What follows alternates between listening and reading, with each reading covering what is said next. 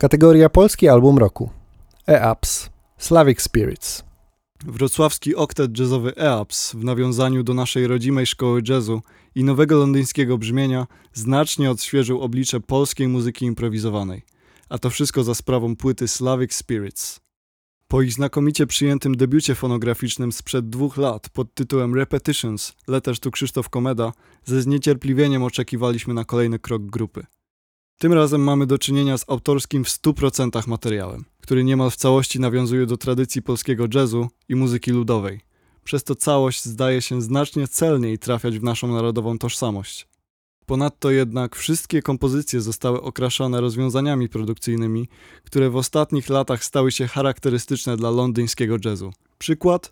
Znakomite wykorzystanie instrumentów elektronicznych.